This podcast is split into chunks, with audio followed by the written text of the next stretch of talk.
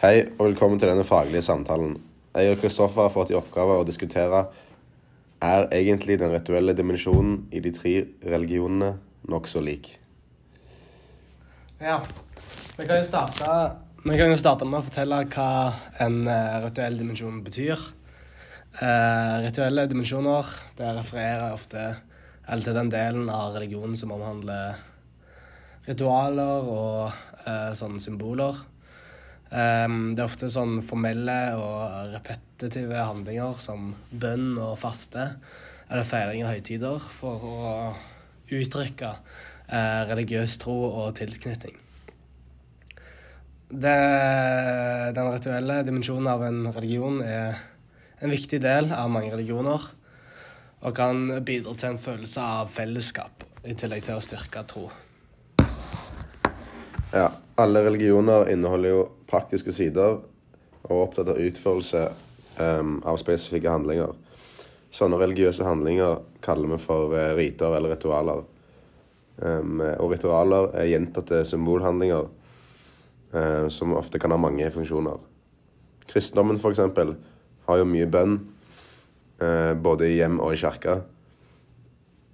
Og kristendommen òg begynner opp av forskjellige høytider, da, som jul, påske og pinse. Du Kristoffer, kan jo snakke litt mer om de ulike rituelle dimensjonene islam har. Yes. Som de andre religionene har òg eh, islam faste rituelle tradisjoner. De varierer litt fra kristendommen og buddhismen, men er i like stor grad viktige. Uh, islam, I islam har man de fem søylene, som er da er viktige elementer. Uh, søylene utgjør de liksom grunnleggende trossetningene for uh, uh, islam.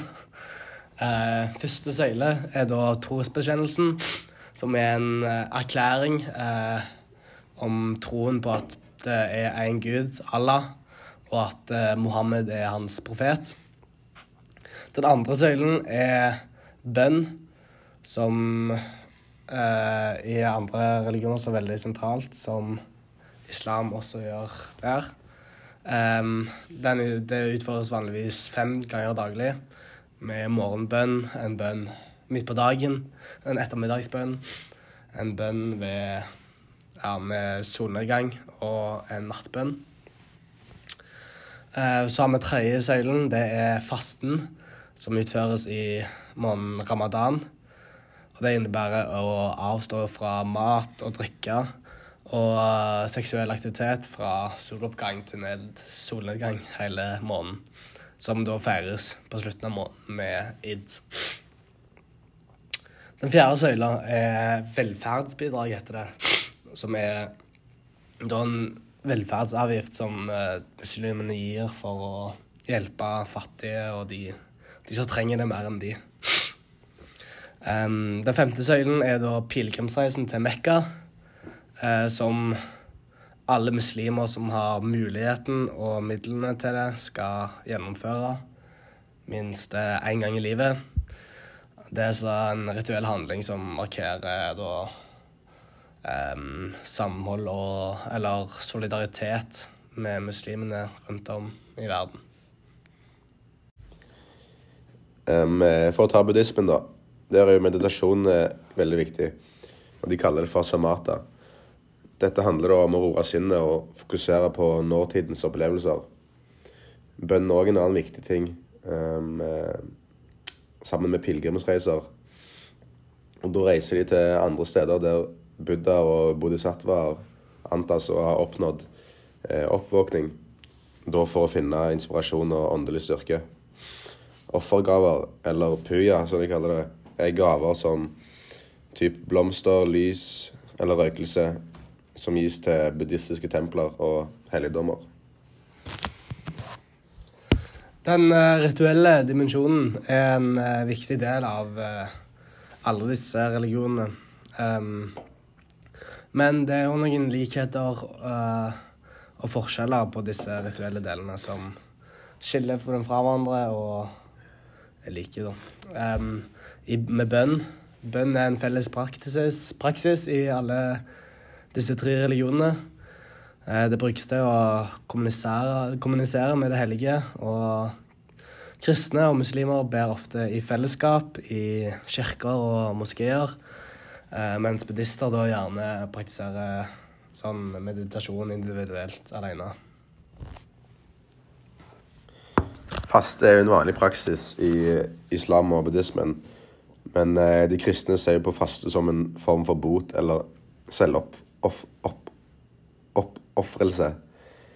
Eh, og selv om det er noen likheter i fasteperiodene i de ulike religionene, så har de ulike mål og praksiser. Pilegrimsreiser til hellige steder er vanlig i alle tre religionene. Uh, I islam er pilegrimsreisen til Mekka, som er en av de fem søylene som vi snakker om. Uh, mens i uh, buddhismen er det pilegrimsreiser til hellige steder, f.eks. templer, da, og andre steder i ofte i Nepal og India vanlig. I kristendommen kan pilegrimsreiser være hellige steder som Jerusalem da, eller Roma. Um, de ulike religionene har uh, ulike ritualer knytta til viktige livshendelser, som da fødsel og ekteskap og død. I kristendommen kan uh, sånne viktige livshendelser være inkludere dåp og konfirmasjon og begravelse, mens i islam er det mer uh, Feirer de mer bryllup og begravelse, da. Og til slutt buddhismen, som uh, feirer feire velsignelse av nyfødte og dødsseremonier. Alle de tre religionene har uh, spesielle helligdager som feires med rituelle handlinger og feiringer. I kristendommen så er dette typisk jul og påske. Mens islam eh, feirer Eid al-Fitr og Eid al-Ada. Og i buddhismen så inkluderer dette Vesak og Asala Puya. Videre til konklusjonen så kan vi si at det kreves forskjellig av en enkelt person om man skal kunne identifisere seg sjøl som en eh, religionsutøver. I islam f.eks. eksempel, blir det satt veldig høye krav til hva du må gjøre for å være en muslim, da. Uh, mens man må gjøre mye mer for å kunne kalle seg muslim enn å kunne kalle seg kristen, ville jeg sagt. Uh, jeg kjenner flere som kaller seg for kristne, men som ikke utøver noen kristne ritualer. Så det kan virke som det er en slags annen kultur for å følge ritualer, ritualer og riter i, i uh, islam og buddhismen.